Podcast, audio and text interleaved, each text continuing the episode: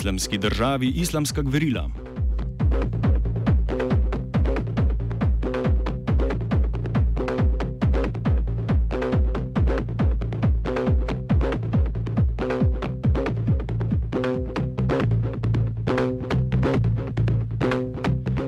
Iraška vojska je predtem, da prevzame še zadnje dele mesta Mosul izpod nadzora vojakov islamske države. Njene enote namreč nadzorujejo zgolj še manjše dele starega mestnega jedra. Simbolno pomemben napredek v ofenzivi iraške vojske ob podpori kurdskih pešmerk in ameriških letal je bilo zauzetje porušene mošeje Al-Nuri ta teden. V njej je namreč pred natanko tremi leti vodja islamske države Abu, Abu Bakr al-Baghdadi razglasil kalifat. Ob zauzetju njenih roševin pa je iraški premijer Hadjer al-Abadi dejal, da je z islamsko državo konec.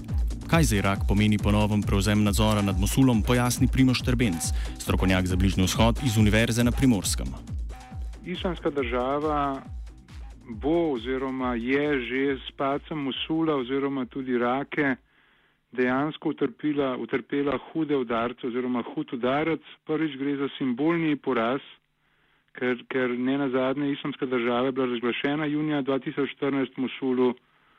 Uh, v Raki je Raka veljala za oziroma velja za njeno neuradno prestolnico.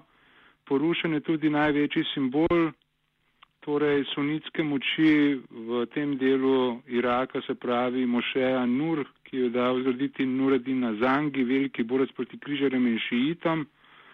Torej, islamska država bo trpela hud simbolni udarec, hkrati pa tudi fizični udarec, glede na to, da je izgubila več tisoč borcev oziroma celo glavnino borcev, ki jih je skoncentrirala v teh dveh uh, mestih.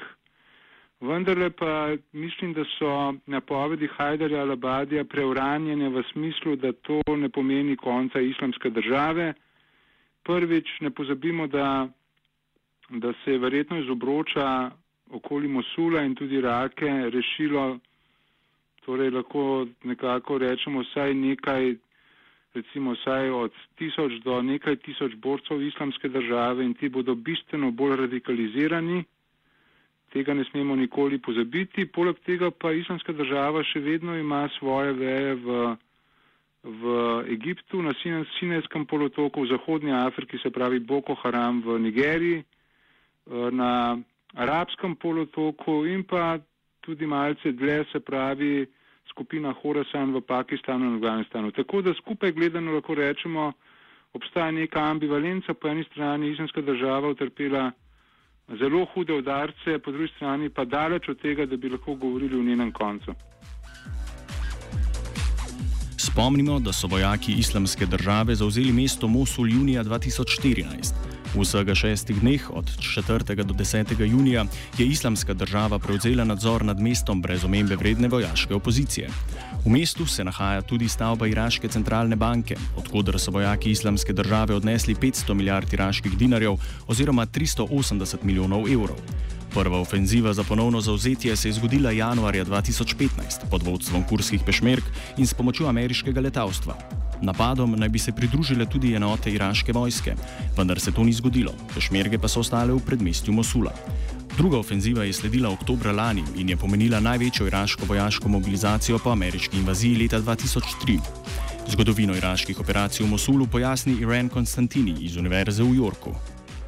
The operation to liberate Mosul uh, started back in October 2016 and it saw different phases and also, of course, different uh, uh, actors. In the initial phase, for instance, the Kurdish Peshmerga were very much involved in the offensive, uh, not really in relation to the city, but particularly in relation to the liberation of the territories around Mosul and in other areas that are bordering the Kurdistan region of, uh, um, of Iraq. When it comes to the city itself, it was mostly the Iraqi security forces, the Iraqi counterterrorism forces, and the federal police. This was a necessary choice for Prime Minister al Abadi that had to compensate for the failure of the Iraqi forces back in 2014, who basically left the city without fighting. Um, you would remember uh, the photos of the um, of soldiers of Iraqi soldiers leaving their uniforms, weapons, and uh, uh, all the rest, and just fleeing out of the city. But then, of course, outside the city, there are many more players. Uh, and here, the Ashta Shabi had uh, um, an important role in, in the offensive, uh, but this role has been also quite controversial.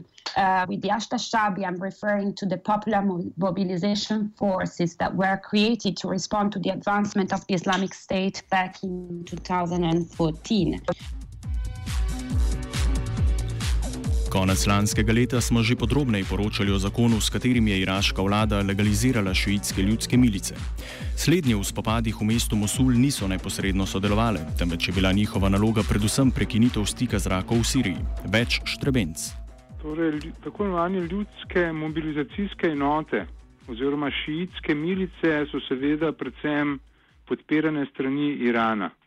In pri samem napadu na mesto Mosul, se pravi predvsem na sunitski zahodni del Mosula, niso neposredno sodelovali.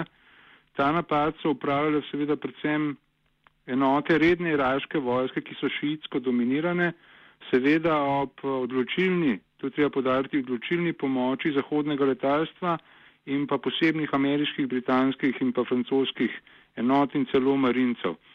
So pa imele te ljudske mobilizacijske enote nalogo odrezati Mosul od, zahodnega, od, od ostalega zahodnega oziroma severozahodnega Iraka in od, rak, in od Rake v Siriji, tako da se borci islamske države ne bi mogli pregrupirati iz enega v drugo mesto in to nalogo so te ljudske mobilizacijske enote, kot se zdi, precej dobro upravile.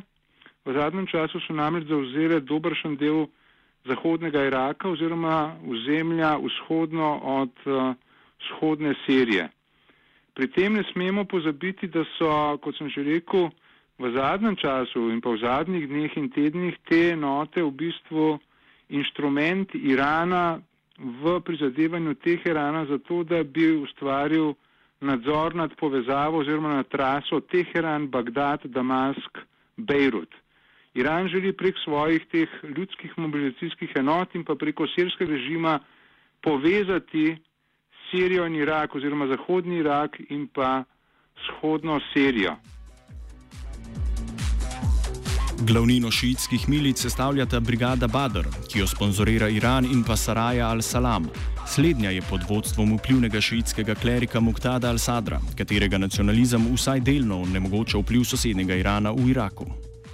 Ja, Muqtada al-Sadr, on nadzoruje tako, tako imenovano milico Saraja al-Salam, to je bivša Magdeva vojska, ta je ena večjih, za ne značilno, torej za Muqtada al-Sadra, da dvoje prvič, da, da je tradicionalno precejšen iraški nacionalist, kar pomeni, da nasprotuje odločilni vlogi oziroma vplivu Irana v Iraku.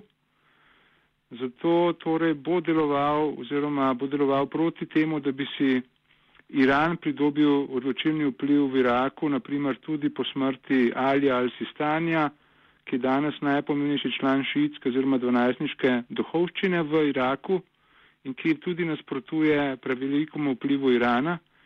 Eh, Se bo pa Moktadar al-Sadr seveda konfrontiral pri tem svojem početju z, kot sem že omenil, izrazito proiransko davo, ki jo vodi Nuri al-Maliki. Tako da uh, v tem spopadu je bilo težko reči, kdo lahko prevlada. Sam mislim, da, bo, da je Iran tako sofisticirana država, da bo verjetno do precejšnje mere Teheran neizogibno ohranil svoj vpliv v državi. Pa še nekaj pomembno, da Muqtada al-Sadr nima zadostnih uh, teoloških kvalifikacij. Ni priznan kot pomemben oziroma odločilen mučtahit oziroma kot nek eh, član duhovščine, ki bi lahko pretendiral na vlogo, na vlogo Marđa Taklida. To pomeni vera posnemanja in v tem smislu torej to slabi njegovo moč, torej njegova teološko, slabša teološka izobrazba. Islamska država je za različne skupine v Iraku predstavljala skupnega sovražnika, ki jih je poenotil v skupnem boju. Iraška vlada ima namreč premalo vpliva, da bi lahko vplivala na uveljavljanje interesov posameznih skupin na osvobojenih območjih. Več Konstantini. In my view, one of the key problems now relates to the control of the disputed territories. That is that belt of territories that is disputed between the Kurdistan region of Iraq and the federal government, so Baghdad. Uh, during the offensive the, against the Islamic State, the Peshmerga forces, the Kurdish forces, um, advanced quite significantly into these territories, and the Kurdish political leadership has repeatedly declared that they won't retreat. But this is not, uh, but this is of course not a shared decision with Baghdad. And some clashes between the Peshmerga and the Ashta Shabi have already occurred in some of these disputed territories. And one has also to wonder whether Baghdad is in full control of all the formations inside the Ashta Shabi. Prav tako pa se kot dodaten problem za iraško vlado obeta referendum o formalni neodvisnosti regije Kurdistan. Predviden datum njegove izvedbe je 25. september. Torej, tukaj jaz mislim, da je težko ocenevati, v katero smer bo šlo to dogajanje, kajti po eni strani je res, da se, je, da se bo iraška kurdska entiteta sedaj odločila za formalno, torej očitno razmišlja o razglasitvi formalne neodvisnosti, eh, kar bi seveda zelo zaostrilo njene odnose z iraško vlado, ki je šiitsko dominirana. Po drugi strani je pa vprašanje, v kolikšni meri ta iraška kurdska entiteta lahko ekonomsko preživi, glede na to, da je v zadnjem letu pa pol v hudih težavah ekonomskih, socialnih, zaradi seveda bistvenega paca cen nafte na svetovnem trgu. Vsekakor pa, torej kot sem že rekel, ta razglasitev ne, formalne neodvisnosti po referendumu bo vodila v, v precejšnje zaostrovanje odnosov s šiitsko vlado v Bagdadu, po drugi strani pa lahko zaradi tega pričakujemo, da se bosta Turčija in pa Iran začela zbliževati v nasprotovanju torej nekemu, nekemu kurdskemu redentizmu oziroma temu, da bi a, osamosvojitev formalna kurdske entitete v Iraku torej spodbujala tudi sirske in pa iranske kurde k, k večji aktivnosti. Drugo glavno mesto, odkuder je vodstvo islamske države upravljalo svojo paradržavno strukturo, je Sirska Raka. Tam sicer njeni vojaki nadzorujejo večji del mesta, vendar so skupine, združene pod imenom Svobodna sirska vojska, obkolile njene položaje. Na čelu ofenzive v Raki je vojaško krilo stranke sirskih kurdov, Demokratična zveza ali krajše PID. Vlogo enot sirskih kurdov pojasni Štrbenc. Ja, vsekakor se v zadnjih eh, ne zgolj mesecih, ampak že kar nekaj časa, dlje časa izkazuje, da v tako imenovanih sirskih demokratičnih silah, ki na terenu, torej na kopnem usvajajo rako, da imajo kurdski oddelki ljudske zaščitne enote bistveno oziroma daleč najbolj odločilno vlogo. Ne zgolj v kvantitativnem smislu, da od 45 tisoč vojakov, ki jih imajo sirske demokratične sile, jih je 32 tisoč torej borcev ljudskih zaščitnih oddelkov, ampak tudi v tem, da so očitno Združene države Amerike, ki imajo seveda spet odločilno vlogo pri usvajanju Mosul, uh, Rake, da so očitno torej opredelile oziroma začele percipirati uh, torej kurdske sirske enote kot svojega odločilnega zaveznika na terenu v boju proti islamski državi. Tako da odgovor na vaše vprašanje je lahko zgolj ta, da imajo ljudski zaščitni oddelki oziroma vojaški oddelki stranke Demokratične unije, najmočnejše kurdske sirske stranke, odločilno vlogo torej v osvajanju Mosula, pardon, Rake, pa ne zgolj to, američani očitno hočejo uporabiti tudi zato, da bi preprečili torej širitev iranskega vpliva preko iz, iz Iraka v Sirijo. Tako da v vzhodni Siriji sedaj poteka boj ne zgolj za Irako, ampak tudi za druga mesta v vzhodni Siriji, Der, Der Ezor naprimer, in sicer na eni strani z, med američani in njihovimi zavezniki, se pravi sirskimi kurdi, na drugi strani pa, kot sem že omenil, Iranom in pa njegovimi zavezniki, to je predvsem sirski režim.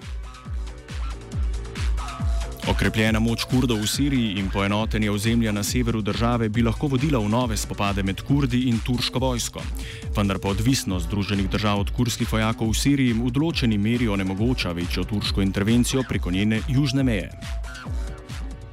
Ja, Turčija, seveda, turški, turški vitalni življenjsko pomemben interes je preprečiti ozemljsko zaokroževanje oziroma utrjevanje entitete sirskih kurdov na severu Sirije, ki počasi postaja neka protodržava. Turčija, predvsem Rusija, v zadnjem letu dovolila preko vstopa na sirsko fronto, da je preprečevala to ozemljsko zaokroževanje, predvsem povezovanje med uh, kantonoma Džazira in pa Kobane s kantonoma Frin. Uh, vendar pa je dejstvo, da Turčija ne more, ne more doseči tega, da bi Združene države Amerike manj podpirale sirske kurde, kot sem že omenil, ker Washington vidi v sirskih kurdih glavnega zaveznika pri premagovanju islamske države in pa neutraliziranju iranskega vpliva v Siriji.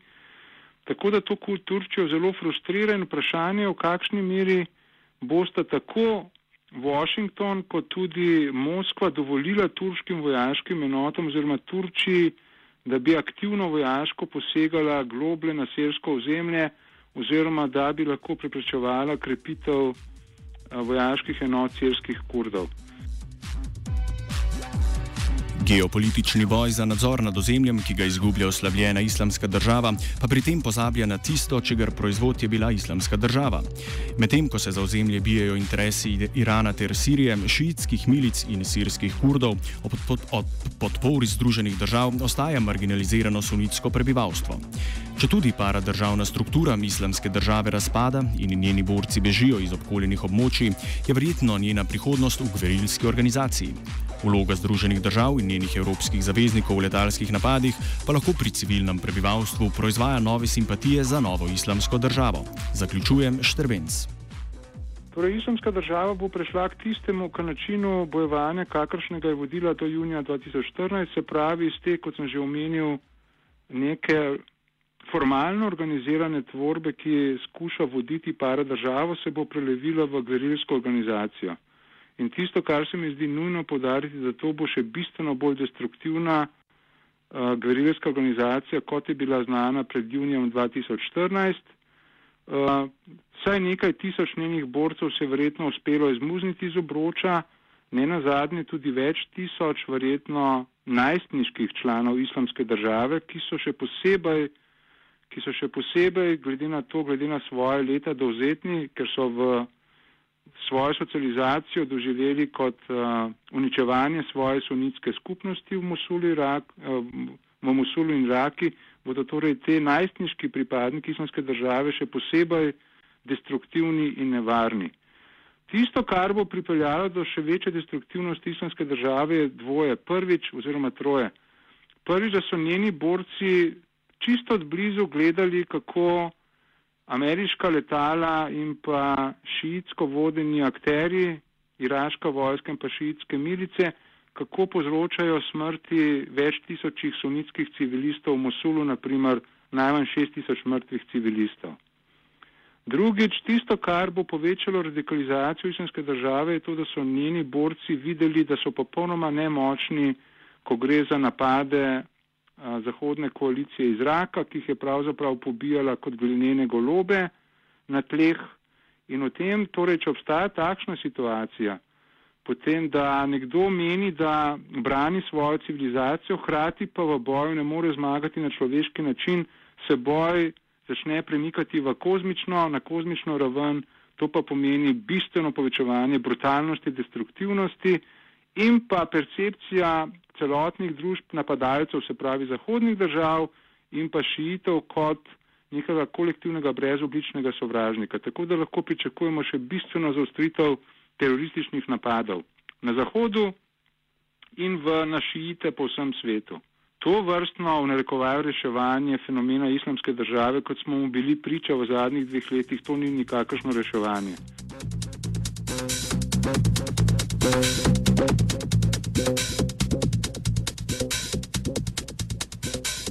Kultiviral je Jošt.